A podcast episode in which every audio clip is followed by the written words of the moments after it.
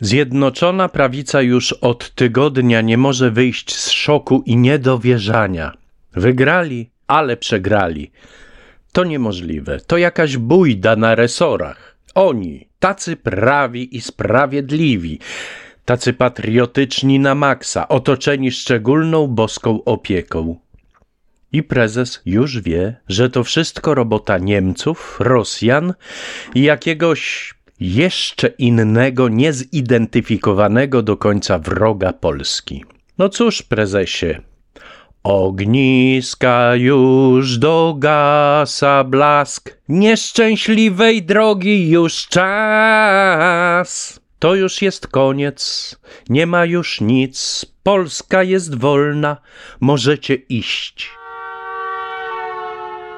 Prasówka Tygodniówka pod redakcją Tamary Olszewskiej od 16 do 22 października 2023 roku. Czyta Piotr Sobieski. Co robi Duda, gdy już ma przecieki, że jego ukochana partia straci władzę? Biegiem nominuje 72 sędziów na odpowiednie stanowiska. Oczywiście są to figuranci dobrej zmiany. Wśród nich Michał Lasota, egzekutor Ziobry, czy też żona Macieja Nawackiego, tego co gnębił sędziego Pawła Juszczyszyna. Facet łudzi się, że ci właśnie sędziowie będą piątą kolumną PiSu w czasach rządów opozycji demokratycznej. No cóż, jedyne co mu pozostało, to właśnie te złudzenia. OBWE i obserwatorzy wyborów z Rady Europy wydali oświadczenie wspólne, w którym wskazali nieprawidłowości w kampanii wyborczej. To wykorzystanie instytucji państwa w czasie kampanii, erozja instytucji kontroli równowagi przez partię rządzącą, stronnicze programy informacyjne, wykorzystywania w wieloraki sposób środków publicznych, referendum z przekazem władzy, zaangażowanie Kościoła – Ponad 40 urzędników państwowych, w tym ministrowie, prowadziło agitację wyborczą podczas takich wydarzeń. Promocja partii rządzącej w reklamach i kampaniach informacyjnych prowadzonych przez spółki Skarbu Państwa.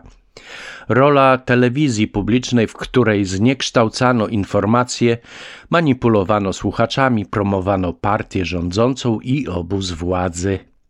Trochę się tego nazbierało, prawda? Ale nic to PiSowi nie dało. Okazuje się, że prezes dostał ogromne wsparcie od swojego kumpla Orbana. Węgierska firma, która pomogła Wiktorowi Orbanowi rozprawić się z opozycją, doradzała sztabowi wyborczemu PiSu, jak prowadzić kampanię, by wygrać. To jej pomysłem było połączenie wyborów z referendum, co na bank powinno dać zwycięstwo. A tu klapa. Jak widać, Polak bardziej odporny i wzory kampanijne z Węgier się nie sprawdziły. Radni Wrocławia postawili się kościołowi i zdecydowali, że nie dadzą już ani złotówki na lekcje religii. Jeśli już, to niech te lekcje opłaca budżet centralny, bo samorząd ma ważniejsze wydatki. Podobny apel wystosowała wcześniej Częstochowa oraz Kraków. Czy ktoś jeszcze do nich dołączy? Kampania wyborcza się skończyła, więc i skończyło się głaskanie wyborców po główkach. Obajtek już zapomniał, że obiecywał utrzymanie cen paliwa na jednym poziomie. Kierowco płacz i płać coraz więcej za jazdę swoim autkiem. A to dopiero początek podwyżek. Prezes ogłasza wszem i wobec wielki projekt, którego celem jest ochrona pseudodziennikarzy, co to w telewizji reżimowej zapomnieli o etyce zawodowej i szargali godność dziennikarską na całego. Utworzy on wielkie media. Cytuję. A ludzie, którzy podjęli trud, ale jednocześnie i ryzyko funkcjonowania w polskich mediach, będą mieli zatrudnienie i możliwość przekazywania prawdy o tym, co dzieje się w Polsce.